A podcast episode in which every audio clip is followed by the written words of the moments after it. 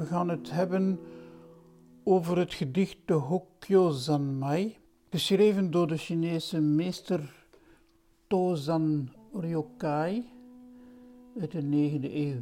Het is een gedicht dat om de twee dagen in de traditionele zen-tempels gereciteerd wordt door de monniken en de nonnen. Het thema hiervan is hoe kun je het onderricht van de zen, hoe kun je het onderricht van de Boeddha, de Dharma, hoe kun je dat overdragen? Hoe kun je ermee in contact komen? Hoe kun je de betekenis ervan doorgronden? Hokkyo Zanmai betekent het samadhi van de kostbare spiegel, de concentratie van de kostbare spiegel, de concentratie van de geest die als een spiegel wordt gezien. Het is het gedicht dat een soort lofzang kan zijn voor, voor Zazen zelf, een lofzang voor de beoefening. Het is het gedicht dat de overdracht van Dharma, de transmissie van Dharma, uh, probeert in woorden te vatten. Het kan ook uh, begrepen worden als een weg naar ontwaken. Doorgaans wordt dat gedicht als moeilijk ervaren door de mensen die ermee in aanraking komen. Toch geloof ik dat het mogelijk moet zijn, zelfs voor mensen die relatief nieuw zijn in de beoefening, om tot de kern van dat gedicht te geraken. Ik geloof dat het ook mogelijk moet zijn om geraakt te worden door de sterke poëtische beelden die het gedicht bevat. Zelf al is het gedicht oud, 9e eeuw, is niet, niet recent, om, om geraakt te worden, ontroerd te worden door de manier waarop vroeger over onze beoefening werd nagedacht en over onze beoefening werd gesproken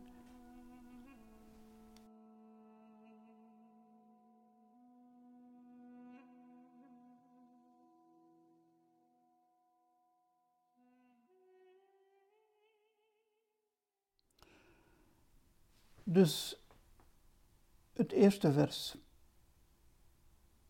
De dharma van de zoheid wordt op intieme wijze overgedragen door de boeddha's en de patriarchen. Nu heb je hem ontvangen, bescherm en bewaak het goed.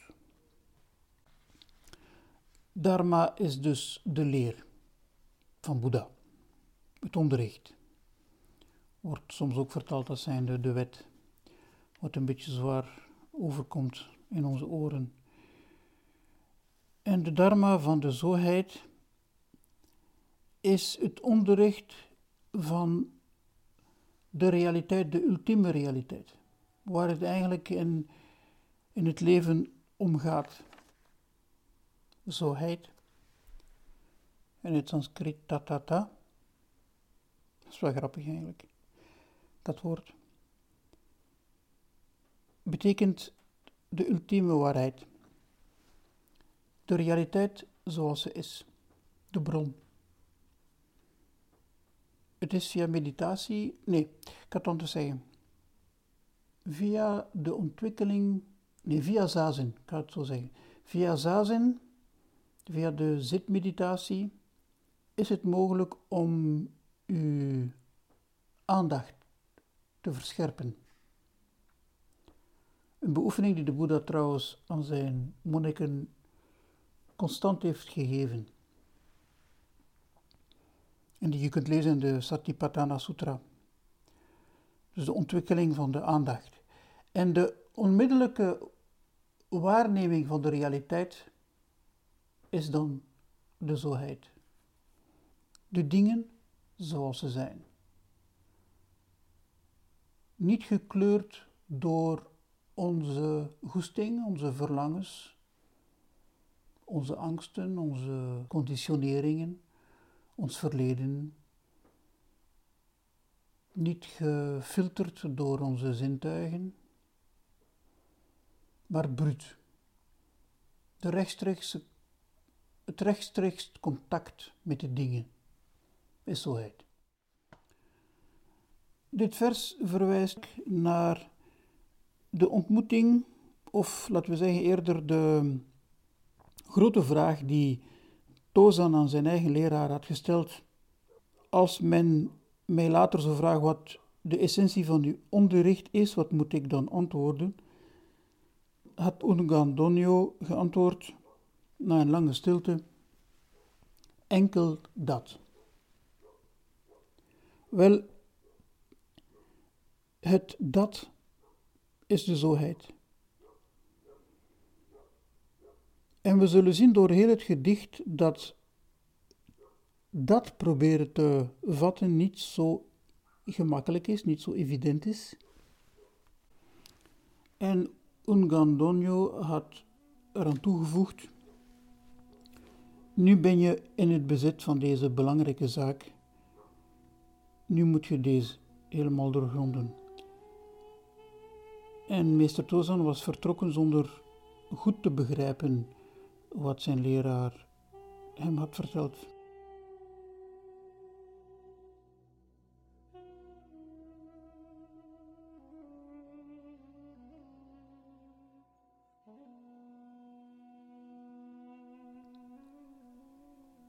Dus de dharma van zoheid wordt op intieme wijze overgedragen door de boeddha's en de patriarchen.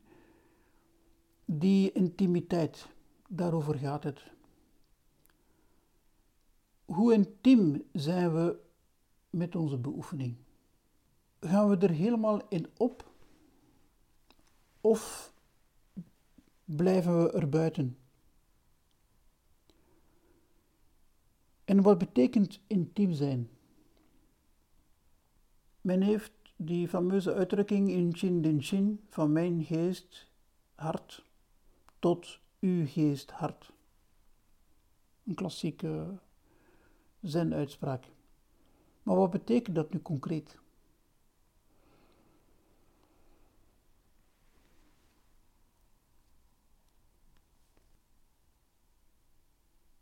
Nu heb je hem ontvangen. Bescherm en bewaak hem goed.